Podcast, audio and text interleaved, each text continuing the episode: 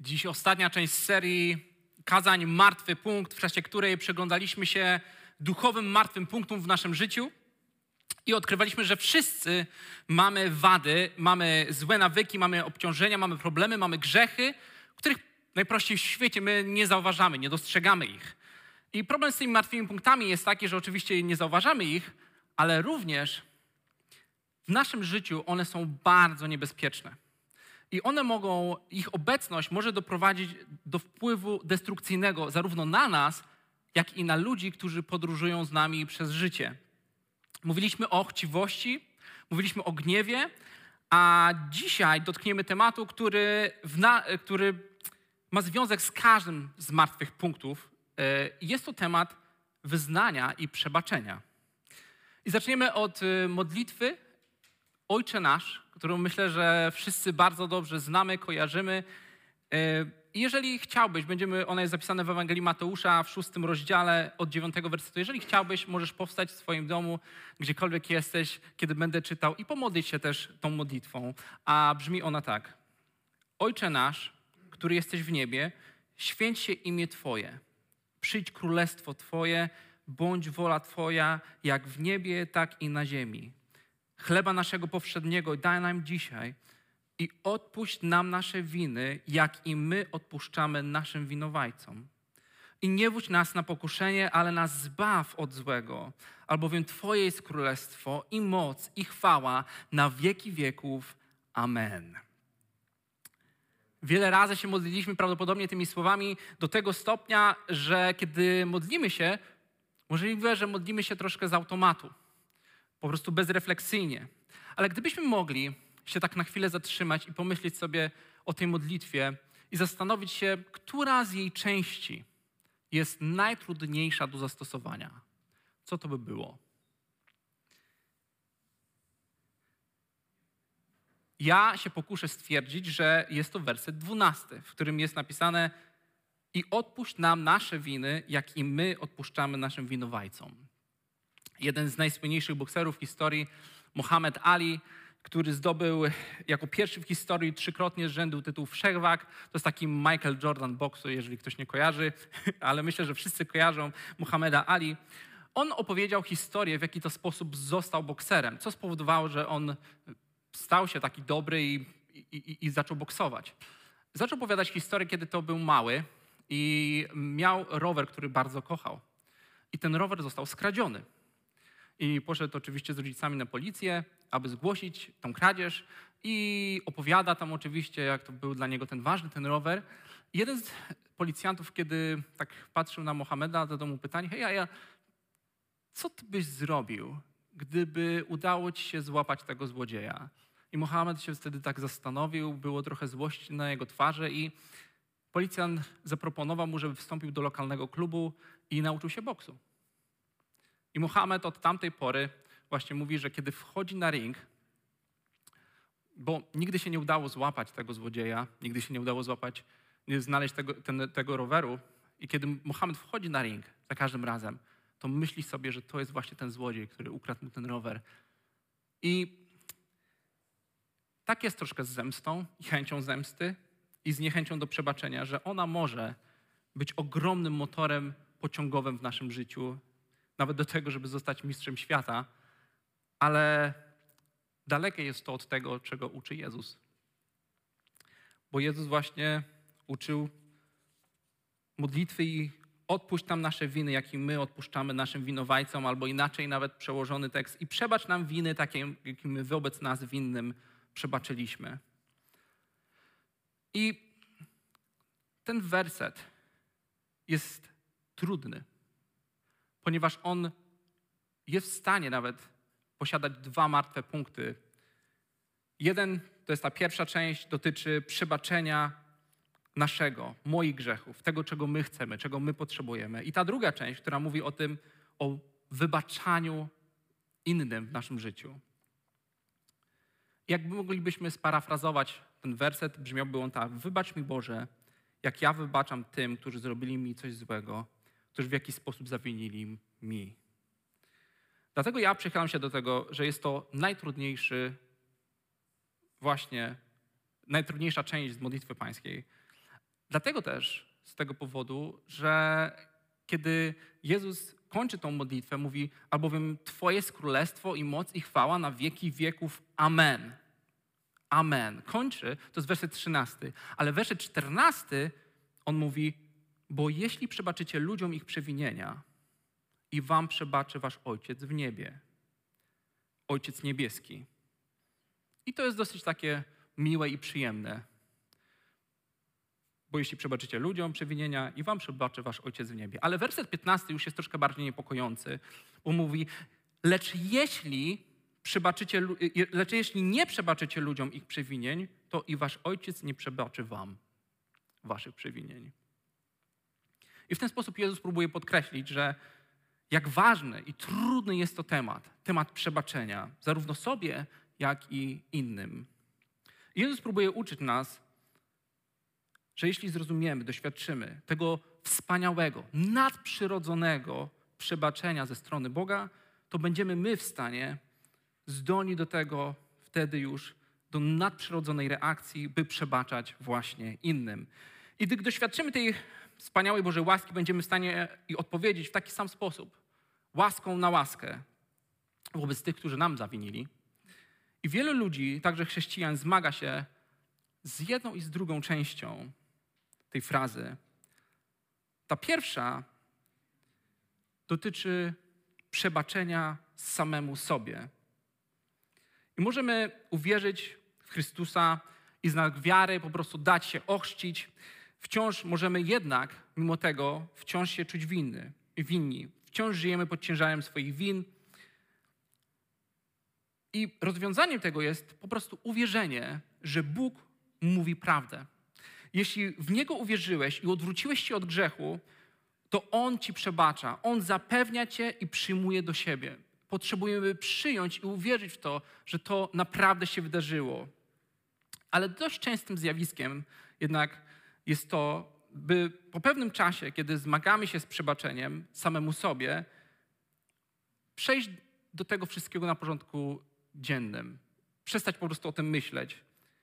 Przychodzimy do naszej codzienności, jakby się w ogóle nic nie wydarzyło. Ale to tak nie działa. Z brakiem przebaczenia jest jak z wiecznie otwartą raną. Jeżeli ktoś nam, nas tak nieodpowiednio naciśnie, albo w jakiś sposób coś tam się dostanie do tej rany, to bardzo często i szybko odzywa się ta rana. I jednak ta rana pozostaje. Werset właśnie zaczyna się od tego wyznania: Przebacz nam nasze winy. Przebacz nam nasze winy. I czy jesteśmy tego świadomi, czy też nie?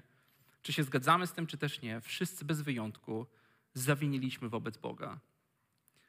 Możemy się z tym zgadzać, ale to nie zmienia rzeczywistości, że jesteśmy po prostu grzeszni. Grzeszni w Bożych oczach. I chyba najprościej i najbardziej celnie wyraził się apostoł Paweł, kiedy powiedział w liście do Rzymian w trzecim rozdziale, w 23 wersecie, wszyscy zgrzeszyli. Wszyscy zgrzeszyli. Ty, ja, każdy zgrzeszył i jesteśmy pozbawieni Bożej chwały. Bo nasza pycha i nasza arogancja, ona często sprawia, że porównujemy się z innymi. Zwłaszcza z tymi, którzy y, są dużo gorsi. Ale najlepiej jeszcze porównywać się z najgorszymi. Bo to nas uspokaja, to usypia naszą czujność, że wprawdzie, okej, okay, nie jesteśmy doskonali, ale tamci, tamci, o, tamci to są dużo, dużo gorsi.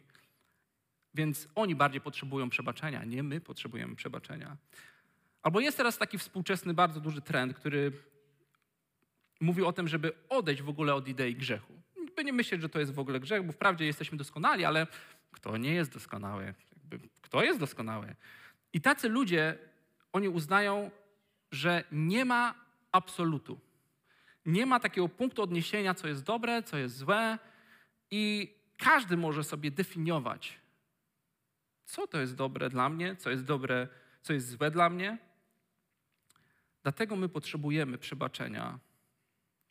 I to jeszcze, i dlaczego ludzie w ogóle, którzy uważają, że nie ma idei, oni nie uważają, że Jezus jest w ogóle jakimkolwiek autorytetem do odnoszenia się tego, co jest dobre i złe.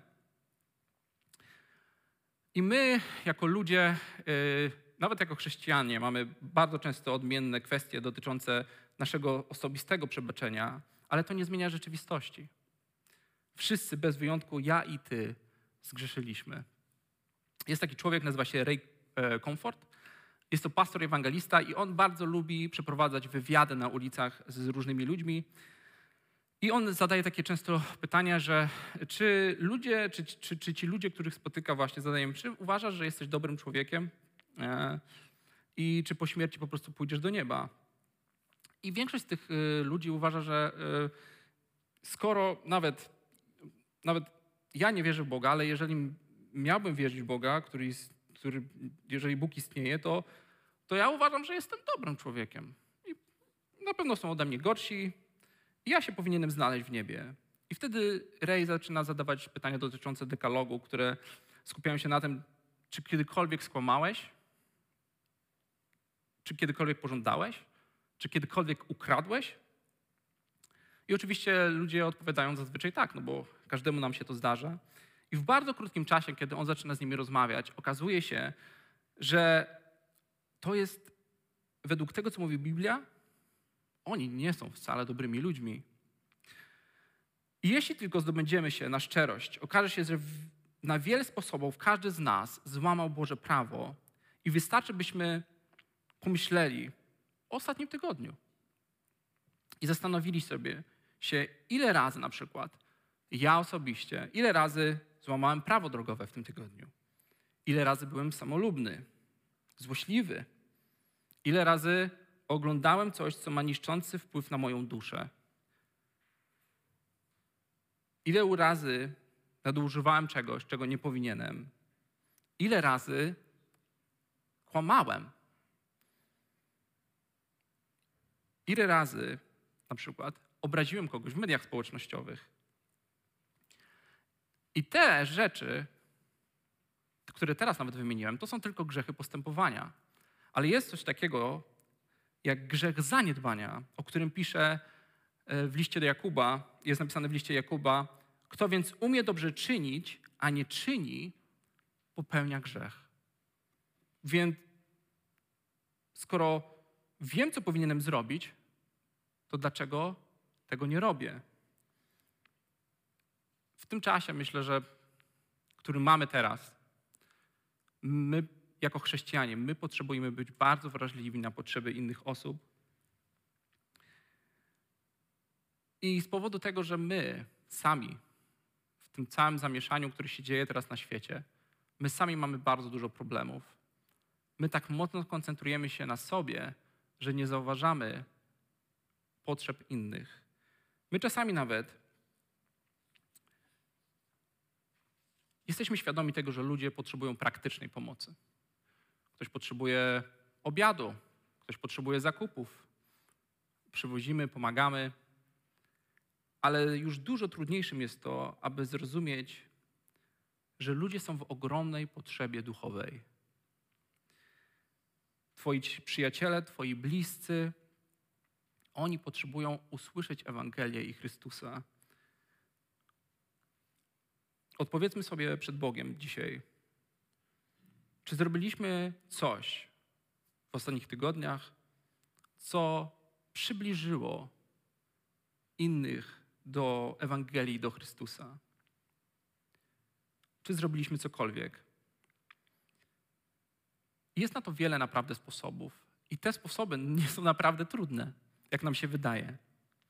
Bo możemy chociażby, teraz oglądając, możemy udostępnić tą transmisję tego nabożeństwa komuś na swoim profilu. I możemy dać temu świadectwo o Chrystusie, że Chrystus jest żywy, że jest prawdziwy. Skoro więc wiemy, co mamy robić, a nie robimy tego, jesteśmy winni zaniedbania.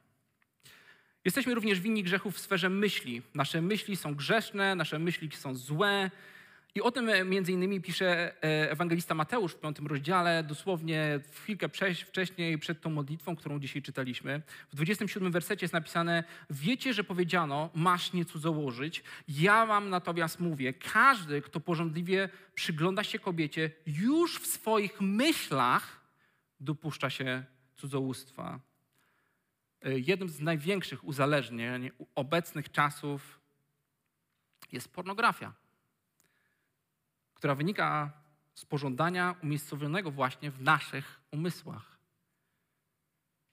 Nasze myśli są złe, a pielęgnowane, karmione, one potrafią wychodzić na zewnątrz w postaci gniewu, gniewu, który jest wyrażony słowami, który jest wyrażony czynami i mnóstwo innych sposobów z powodu grzechu w naszych myślach.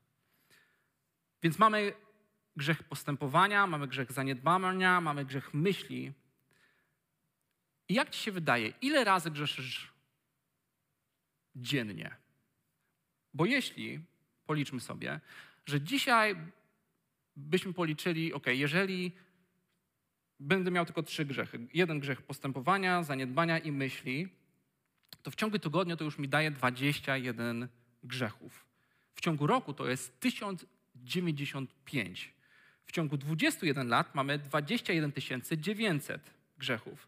W ciągu 41 lat, 41 lat 43 800. Kiedy będziemy mieli 61 lat, będziemy mieli 65 700 grzechów.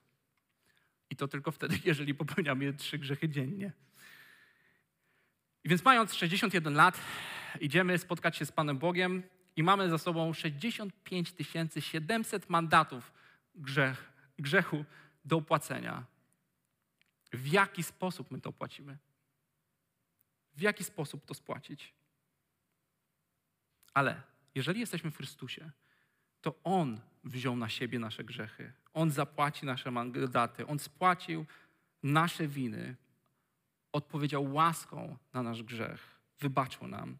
I właśnie w tym wielkim tygodniu, który dzisiaj rozpoczynamy, my będziemy wspominać, my będziemy właśnie dziękować, bo wszyscy mamy niewyobrażalny dług grzechów do spłacenia, a ten dług został spłacony przez Chrystusa. Jeżeli ten dług nie zostanie spłacony, on wpędzi nas do piekła. Dlatego właśnie Jezus nie chce tego dla nas. On umiera na krzyżu za grzechy nas wszystkich. On złożył ofiarę jedną raz na zawsze. Dlatego Jezus właśnie powiedział na krzyżu: Wykonało się. Dług został spłacony. I właśnie my, kiedy poprzez wiarę czynimy Chrystusa Panem i Bogiem swojego życia, to Jego ofiara na krzyżu zaczyna działać w naszym życiu i otrzymujemy Boże przebaczenie.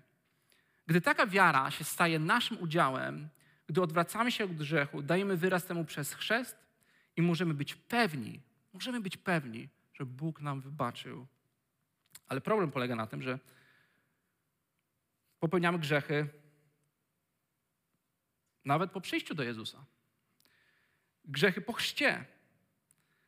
I grzeszymy nawet, jeżeli jesteśmy wierzący, nie wiem, 10, 20, 40 lat. I Ewangelia mówi o tym, że Jezus, On nie tylko umarł i przebaczył nam grzechy z przeszłości, ale również grzechy naszej teraźniejszości. Dlatego właśnie uczy nas, gdy się modlicie, wyznawajcie swoje grzechy, a przebaczy nam Bóg nasze winy. I to jest w życiu wielu chrześcijan martwy punkt. Że nie zauważamy, że mamy nieustanny problem z grzechem i potrzebujemy wyznawać ten grzech za każdym razem, gdy upadniemy. To nie jest tak, że kiedy Chrystus za nas umarł, po prostu gdzieś te grzechy, one przepadają, mimo tego, że grzeszymy, bo wierzymy, że Bóg nam okazał łaskę. Nie, one potrzebują być wyznane.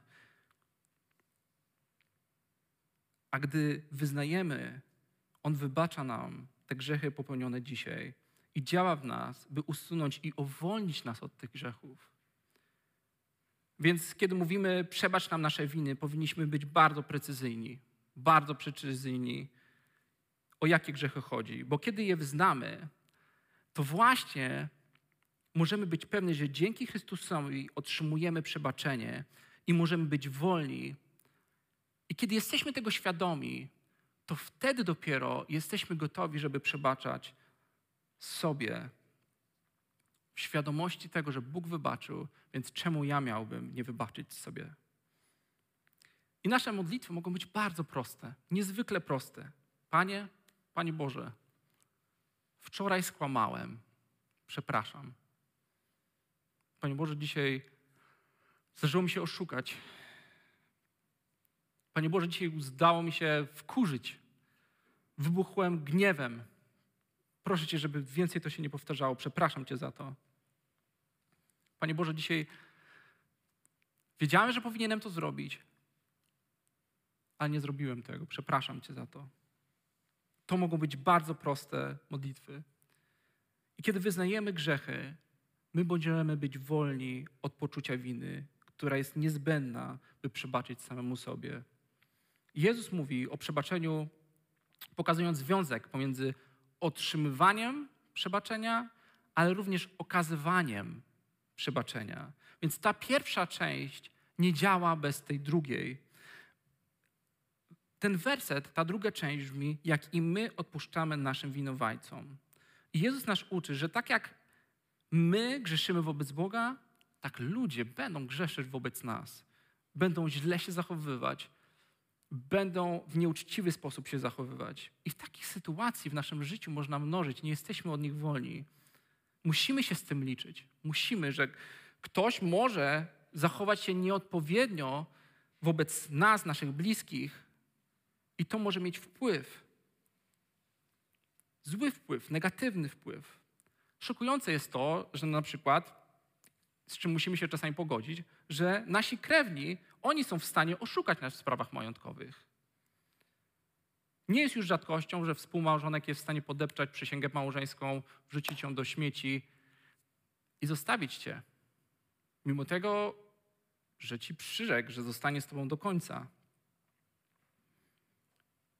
Może też się też zdarzyć, że ktoś komu, komuś ufałeś.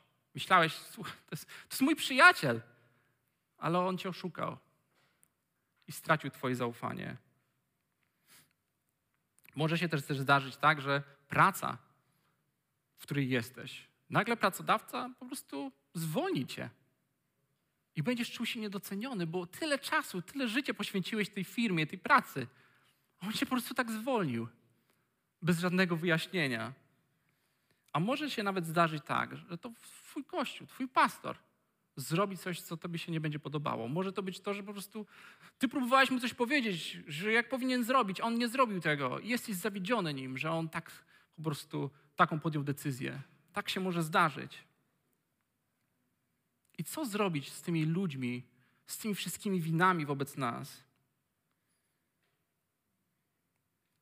I musimy sobie przypomnieć tą pierwszą część tego wersetu, że jako osoby, które chociaż nie zasługiwały, to jednak otrzymały od Chrystusa przebaczenia tak ogromnej ilości grzechów 65 700, jeżeli liczyć tylko trzy grzechy dziennie po 61 latach. No więc co zrobimy z tymi, którzy zawinili wobec nas? Co zrobisz ty, co zrobię ja? Jezus uczy nas, że zdolność do nadprzyrodzonego przebaczania jest normalną rzeczą dla ludzi, którym, którym przebaczono w nadprzyrodzony sposób. I to jest normalne, że w Chrystusie stajemy się tym, który w nadprzyrodzony sposób przebacza. W Chrystusie. Jezus zakłada, że ponieważ On nam przebaczył i okazał nam łaskę, to my również dokładnie tak samo my przebaczymy i okażemy łaskę tym, którzy zawinili wobec nas. Bo Jezus zakłada, że kiedy zostaniemy skrzywdzeni, zranieni, przyjdzie moment zdecydowania, co my mamy w związku z tym zrobić. Jezus wierzy w to i chce dla nas, abyśmy potraktowali innych tak samo, jak nas Bóg potraktował. W 18 rozdziale Ewangelii Mateusza jest historia o tym, że Jezu, którą opowiada Jezus. Jest to przypowieść o królu, który daruje dług swojemu słudze. Dług był tak wielki, że sługa nigdy go nie spłacił. Dlatego król pozostawia, e, postanawia sprzedać sługę i wrzucić go z majątkiem, z całą rodziną do więzienia. Sługa jednak prosi, prosi i o czas i, i o możliwość jakby odwołania się, aby darować. U, I król ostatecznie lituje się, okazuje łaskę i anuluje dług cały temu słudze. I ten, ten sługa wychodzi po prostu wolny. Ale chwilę potem na ulicy spotyka swojego kolegę, swojego sługę, który jest mu winien dosłownie niewielką kwotę w porównaniu do tą, którą jemu darowano i kolega nie może jej oddać. Dlatego ten człowiek mówi, ok, odmawia mu łaski i w takiej samej sytuacji, w której był przed chwilą, nie okazuje łaski i wrzuca do więzienia swojego sługę, swojego kolegę. I kiedy dochodzi informacja do króla o tym, co się wydarzyło, on wpada w gniew i wzywa tego niewdzięcznego sługę i zadaje mu pytanie: Jak to jest, że darowano ci tak wiele? Jak więc mogłeś nie przebaczyć komuś tak niewiele? I na rozkaz króla sługa zostaje na nowo wrzucany do więzienia. Prosta historia, przez którą Jezus próbuje zadać nam pytanie w kontekście właśnie przebaczenia innym. Pytanie, które każdy z nas w sytuacji trudnej, kiedy ktoś nam wobec nas zawini, my musimy sobie je zadać. I to pytanie brzmi: skoro darowano ci tak wiele, jak możesz nie przebaczyć komuś tak niewiele? I kiedy sobie myślimy o tym, co nas spotkało w życiu, to możemy stwierdzić, to nie jest wcale tak niewiele. To nie jest wcale tak niewiele. Ja jestem tego świadomy, ale musimy w tej, w tej chwili pamiętać, że Jezus, On też był zraniony. On był dotknięty, On był zdradzony, On był odrzucony, On był wyśmiany, On był opuszczony bardziej niż ktokolwiek z nas. On doświadczył przemocy do tego stopnia, że poniósł śmierć. Dlatego właśnie Chrystus dokładnie nas rozumie każdą naszą sytuację i On jest gotowy nam pomóc. To nie jest tak, że Jezus oczekuje, byśmy sami siebie w jakiś sposób, nie wiem, decyzją woli, decyzją umysłu, nie wiem, jakiejś potrzebie altruizmu, humanizmu, żebyśmy po prostu próbowali wybaczyć komuś. On tego nie robi. On mówi: oprzyj się na mnie, na mojej mocy, na mojej łasce, tą, którą sam doświadczyłeś. Dlatego zdolność do nadprzyrodzonego przebaczenia jest normalną rzeczą dla tych, którzy w Chrystusie doświadczyli przebaczenia, który, w którym życie jest oparte na nim. I tak jest, nadprzyrodzone przebaczenie jest procesem. To nie jest tak, że kiedy chrześcijanom się dzieje coś trudnego, to po prostu po nich spływa jak po kaczce i sami dobrze o tym wiemy pewnie. I przebaczenie bardzo często nie jest automatyczne ono nie jest od razu. Duży dług wymaga dużo czasu, żeby go spłacić. Bo kiedy ktoś nas zrani, my potrzebujemy się nauczyć. Nauczyć, czym jest empatia, czyli współczucie. Abyśmy mogli zobaczyć też Bożymi oczami tą drugą, drugą osobę, czyli zobaczyć, że ta osoba, mimo tego, jak się zachowała, ona do końca nie jest potworem.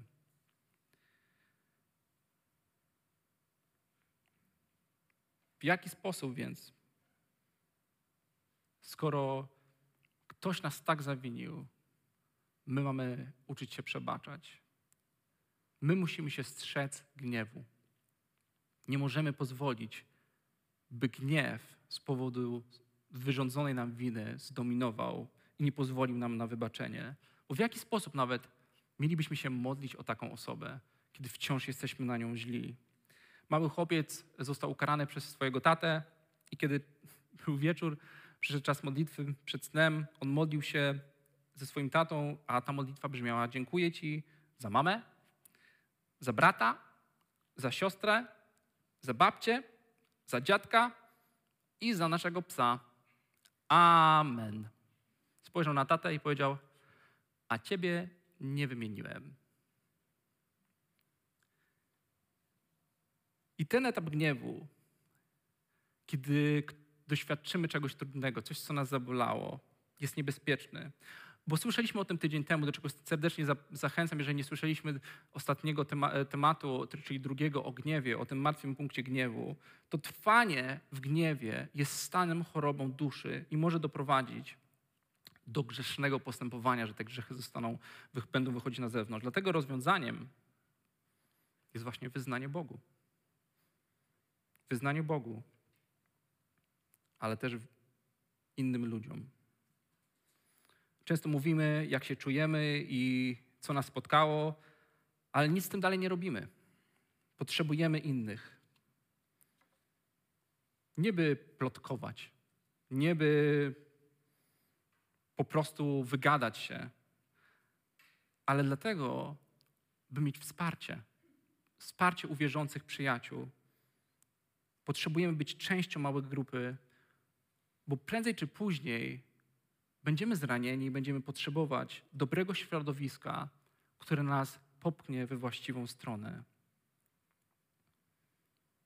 Czasami pojednanie jednak nie jest możliwe. Bo do pojednania trzeba dwojga, czasami po prostu potrzebujemy więcej czasu, dać komuś więcej czasu. Potrzebujemy się wysilić. Potrzebujemy zadośćuczynienia, szczerości, łaski. Ale jeżeli ta druga osoba nie jest gotowa, nie jest zainteresowana w ogóle naszymi przeprosinami, to my nie jesteśmy w stanie tego zmienić. Nawet jeśli nie będzie tak jak kiedyś, nie musimy nieść ze sobą tej nienawiści, tej złości, która rośnie nas z poczucia winy. Możemy być od tego wolni, możemy być uzdrowieni przez Chrystusa, przez to właśnie, że przyjdziemy do Niego, a nasz umysł, serce, emocje zostaną uzdrowione, pomimo tego wszystkiego, co doświadczyliśmy, przez modlitwę, przez wybaczenie. Bo ponadnaturalne przebaczenie zaczyna się od modlitwy. Zobaczmy, gdzie jest, te słowa są, gdzie one się znajdują. One się znajdują w modlitwie. I czasami narzekamy, że chrześcijanie mają slogany w stylu Bóg tak chciał, wszystko będzie dobrze, musisz się o to modlić. Albo po prostu, kiedy z kimś rozmawiamy i nie wiemy, co za bardzo zrobić, to mówimy, pomóc się o to. I myślimy sobie, dzięki za radę, super. I to jest pewien jakiś wyraz naszej niemocy, naszej słabości, naszej niekompetencji, ale to nie zmienia wcale faktu, że modlitwa ma moc do zmiany. Modlitwa ma moc do zmiany, bo trudno jest kogoś nienawidzić, jeżeli szczero się, szczerze się będziemy o niego modlić. I może nas skrzywdził, może nas zranił, może nas rozczarował. Ale módlmy się, módlmy się o te osoby, które zawiniły nam. Nawet jeżeli przebaczenie wydaje się poza zasięgiem. I myślimy sobie, nie, ta osoba to już jest skreślona, ona na pewno mi nie wybaczy. Módlmy się, módlmy się o uzdrowienie nas i tej całej sytuacji, w której się znajdujemy. Wszyscy mamy wady, wszyscy mamy nawyki, obciążenia, problemy, grzechy, których nie dostrzegamy. I może przez te trzy niedziele po prostu Pan Bóg coś pokazywał ci. Pokazywał ci Twoje martwe punkty. Coś, co widzisz, że nagle się okazało w Twoim życiu, że coś jest nie tak i coś tutaj w tym martwym punkcie się znajduje. Martwe punkty nie lubią być pozostawiane. Bo jeżeli zaczniemy po prostu z nimi żyć, to znowu się staną martwymi punktami, nawet jeżeli je zauważyliśmy. Naszą reakcją na martwy punkt jest kolejny krok jest reakcja. Dlatego dzisiaj wykorzystaj ten moment. Gdziekolwiek jesteś, czy słyszysz, może w gwarze swojej rodziny, może jesteś sam w domu gdzieś, słyszysz tego nawet później, nie w tą niedzielę. Wykorzystaj ten moment. Wykorzystaj ten moment, jeżeli czujesz, że widzisz, coś się tam dzieje, że jest coś do wybaczenia, jest coś do przeproszenia. Wykorzystaj ten moment i przyjdź do Boga by wyznać gniew, zazdrość, pożądanie, chciwość, brak przebaczenia, kłamstwo, nieuczciwość, lęk, niewiarę, a może też grzechy, zaniedbania. Wykorzystaj ten moment. Moment modlitwy. I odpuść nam nasze winy, jak i my odpuszczamy naszym winowajcom. Pomódlmy się.